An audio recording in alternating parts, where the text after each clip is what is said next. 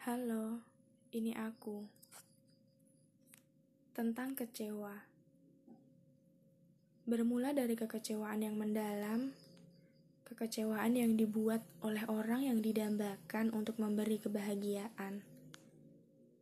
Kecewa adalah bagian tersulit yang harus dihadapi dalam sebuah status yang bernama kita. Kita itu bisa aku dan keluarga, aku dan sahabat, aku dan teman, atau juga aku dan pasangan. Sakit memang saat kepercayaan dihancurkan. Bahkan terkadang gak ada lagi kepingan yang tersisa. Begitulah hidup. Dalam hidup akan selalu ada kata kita. Itu artinya akan selalu ada kecewa.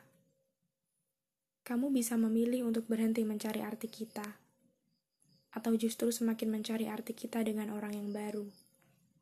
Keduanya pasti sulit.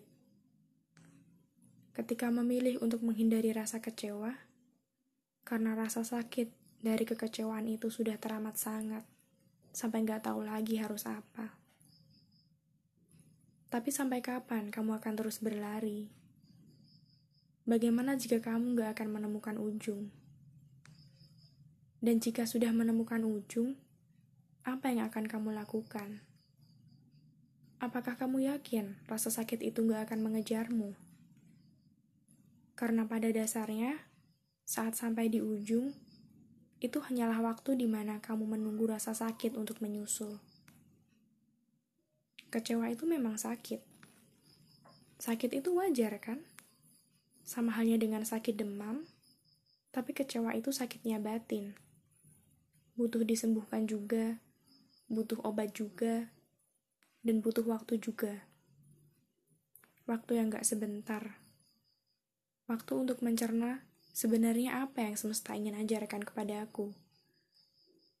Gak apa-apa kok, kalau kamu butuh waktu yang lebih lama dari orang lain. Karena kamu gak sendiri. Aku bahkan belum mulai melangkah.